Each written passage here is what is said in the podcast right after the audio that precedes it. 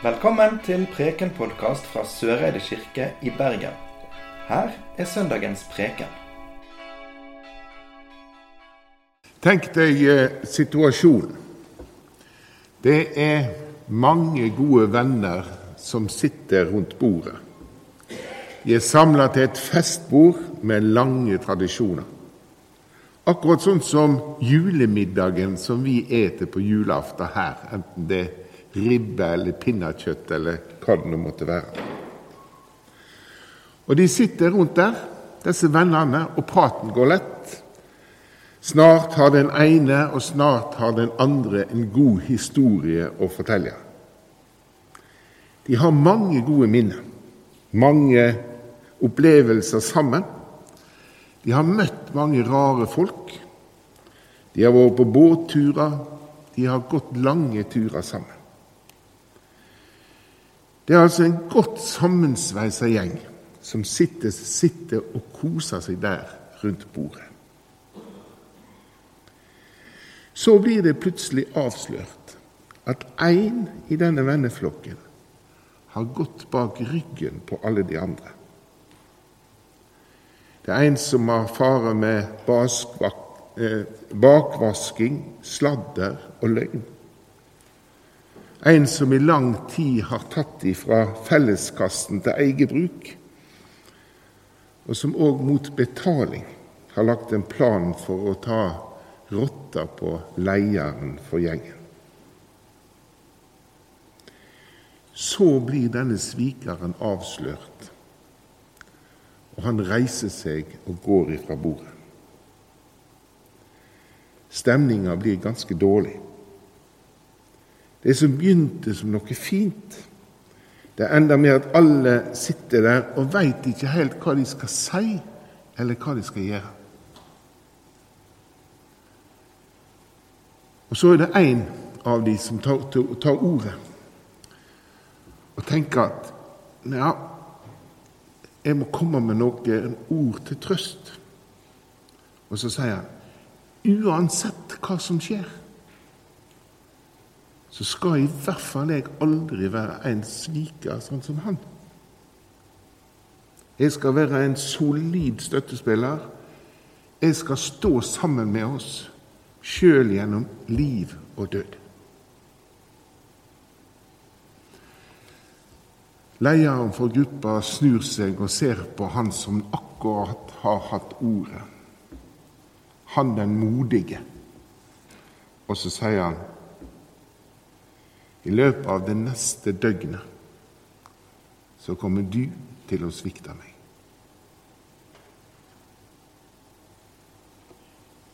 Stemninga rundt bordet blir enda vanskeligere, enda mer fortvila. De ser på hverandre, det er ingen som sier noe. Og lederen deres, Jesus, snur seg og ser på alle etter tur, og rensker halsen og sier det som er preiketeksten vår denne søndagen. Det står i Johannesevangeliet, det 14. kapittelet, og vi reiser oss.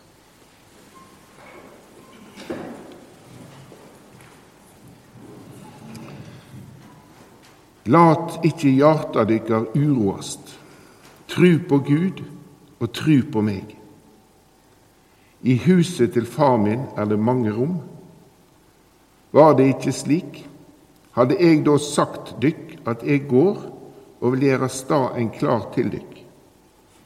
Og når jeg har gått og gjort, gjort klar en stad til dykk, kjem jeg att og tek dykk til meg, så det skal være der jeg er.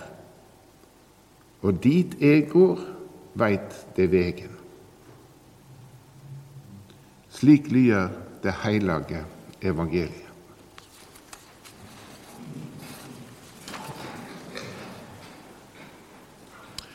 Lat ikke hjarta dykkar uroast, står det i den nynorske teksten. På bokmål så står det La ikke hjertet bli grepet av angst. Det greske ordet som dette speiler tilbake til, tarasso, betyr å gyse og bli full av uro, forsteina og rysta og full av skrekk. Og Jesus sier vi skal altså ikke la oss bli overmanna av skrekkelige følelser. Og så kommer forklaringa. Hvorfor skal vi ikke det? Vi skal tru på Gud og tru på meg, sier Jesus.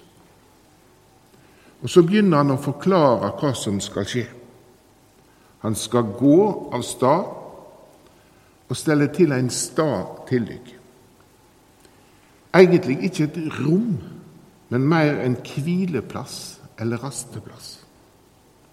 En plass der du kan sette deg ned, finne roen, se utover vakker natur, kanskje ta en matbete mens du får koble av etter en slitsom kjøretur eller en strabasiøs etappe i ulendt terreng.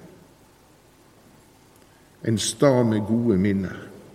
En stad der det er godt å finne roen. Og Jesus forteller videre at han skal gå bort, og så skal han komme tilbake. Og Dette er eneste plassen i hele Bibelen der Jesus sjøl sier at han skal komme tilbake. Han skal komme tilbake og hente oss, og så skal vi være der han er.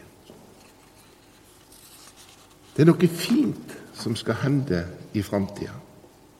Noe som vi kan glede oss til, noe som vi kan se fram imot med forventning. Johan Grip sier det veldig fint i et dikt som heter 'Hentet'. Barn har en egen måte å bruke språket på. I barnehagen der sønnen min går, blir de f.eks. henta. Sunniva, du er henta, roper de når f.eks. Sunniva blir hentet. Og Sunniva slipper det hun har i hendene, og løper hvinende nedover skråningen, rett i armene på den som står ved porten og er kommet for å hente. Når også jeg en gang får øye på at noen står ved porten og skal hente meg. Da håper jeg at det vil skje nøyaktig slik. Vi blir henta.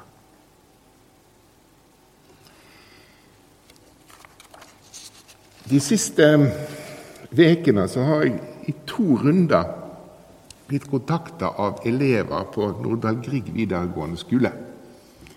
Det er tredjeklassingene som har fått ei oppgave om å skrive et eller annet prosjekt om, om døden og, og, sånn i ulike religioner. Av en eller annen slags grunn så er det to av disse gruppene som har kontakta meg, og jeg har møtt de her i kirka og hatt noen utrolig fine samtaler med disse ungdommene. De går i tredje klassen og er snart studenter. Og Det første spørsmålet de stiller meg, det er hva skjer etter at vi er døde? Da har de vært og snakka med noen buddhister. De har vært inne i en moské inne i Bergen og snakka med muslimer. Og Så kom de ut til Søreide og skal snakke med en prest, og så spør de hva skjer etter at vi er døde. Så syns jeg det har blitt utrolig fine samtaler. Samtaler om hva vi tror på, hva vi veit, og hva vi ikke veit. Vi har snakket om ulike forestillinger om himmel og helvete, om hvordan Kirka har brukt skremsel som virkemiddel for å holde kontroll på mennesket i tidligere tider. Og Jeg tror ofte forestillingene våre f.eks. om helvete kommer fra alterbildet i Det sixtinske kapell der veldig mange har vært innom opp gjennom historien. For der er fortapelsen malt med all sin gru. Og de prestene som har vært innom der og sett det bildet, og det er helt sikkert mange av dere som har vært der Det der var malt altså på 1500-tallet. Og det har preget forestillingene våre om hva som skal skje etter døden. Og Kirka har brukt det bevisst for å holde kontroll på folk og holde på makta.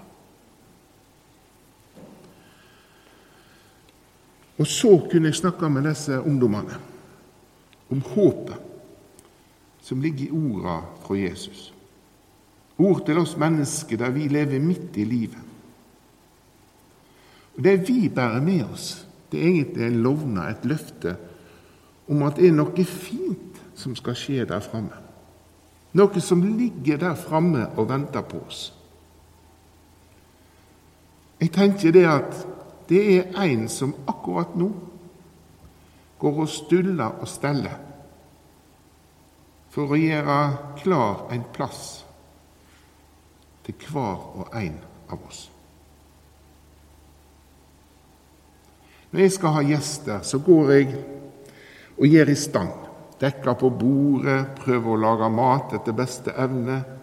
Pynter litt, selv om det er ikke min greie. Eh, og gleder meg mens jeg venter på de som skal komme. Og akkurat de minuttene der, der vi har forventningene om at nå kommer gjestene snart, nå skal vi kose oss sammen, nå skal vi ha en hyggelig kveld.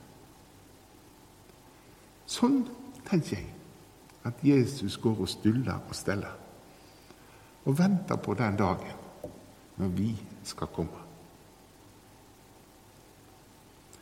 Og så lever vi her og nå i ei slags ventetid. Og Før trodde jo jeg at advent betyr å vente. Adventum tenkte jeg det sikkert betydde. Men det betyr det jo ikke. Det betyr jo å komme. Men vi kan jo kanskje få lov å leke litt med tanke på at advent betyr ventetid. At vi på én måte venter på jula, og så venter vi på det store som skal skje en gang i framtida. Når vi blir henta til en fin stad. Ventetid det er noe som jeg har vokst opp med. Når vi hadde vært på besøk hos bestefaren min ute på Håkonshella og skulle kjøre inn til Fusa, så rakk vi veldig sjelden den ferja vi hadde tenkt. Eller hun var full, og så var det å sitte i bilen og vente. Og som en gud som meg, med så mye energi og trafikkfarlig parkeringsplass, så var det nokså vanskelig å klare å sitte sammen med søsknene sine i bilen og vente uten at det enda i fullt spetakkel. Men da var far min litt klok, for han hadde alltid liggende gamle ferjebilletter i bilen. Så han bretta båter og fly og forskjellig, så vi hadde noe vi kunne leke med. Noe som vi kunne fylle ventetida med. Og så tenker jeg, Når vi lever her på jord, så lever vi på en måte i ei slags ventetid. Vi, eh, vi veit det som skal komme der framme, og som Jesus minner oss på denne dagen. Men vi blir oppfordra til å ikke bare sitte i ro og vente på det som skal skje. Vi har faktisk fått et kall. Vi har fått ei utfordring til hva vi skal gjøre i denne tida vi er her på jord. Vi er kalla til å arbeide på et prosjekt. Et prosjekt som jeg syns Maria, Jesu mor, beskriver utrolig fint når hun skjønner hva hun er med på. Da bryter hun ut i en lovsang og sier Han gjorde storverk med sin sterke arm. Han spredde de som var på hovmodstanker i hjertet. Han støtte stormenn ned fra trona og løfta opp de låge.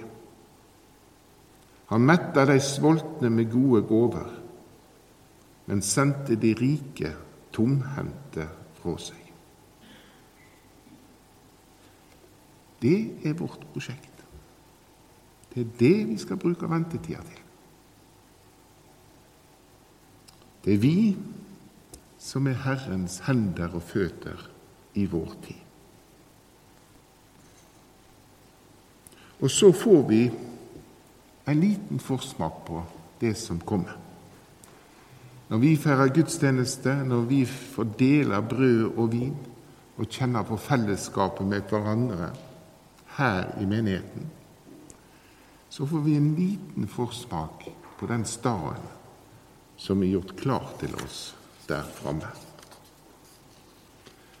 Ære være Faderen og Sønnen og Den hellige ande, som var, er og være skal, en sann Gud fra evig og til evig. Amen. Du har nå hørt Preken-podkast fra Søreide kirke i Bergen. Følg oss gjerne på Facebook og Instagram, eller gå inn på vår nettside kirken.no soreide. Takk for at du hørte på.